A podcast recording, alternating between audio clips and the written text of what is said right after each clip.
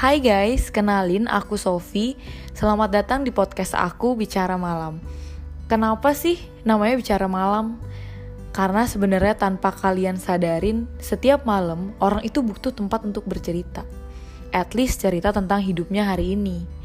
Nah, di podcast ini kita bakal bahas banyak hal bareng orang-orang di sekitar aku yang pastinya punya cerita masing-masing.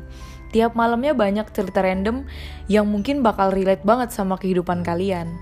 Podcast ini juga gak bermaksud buat menggurui, tapi kami cuma mau sharing tentang masalah yang kami hadapi dan gimana cara kami nyelesainnya. Semoga buat kalian yang mendengarkan dapat mengambil hal positif dari yang kami bicarain. Selamat malam dan selamat mendengarkan.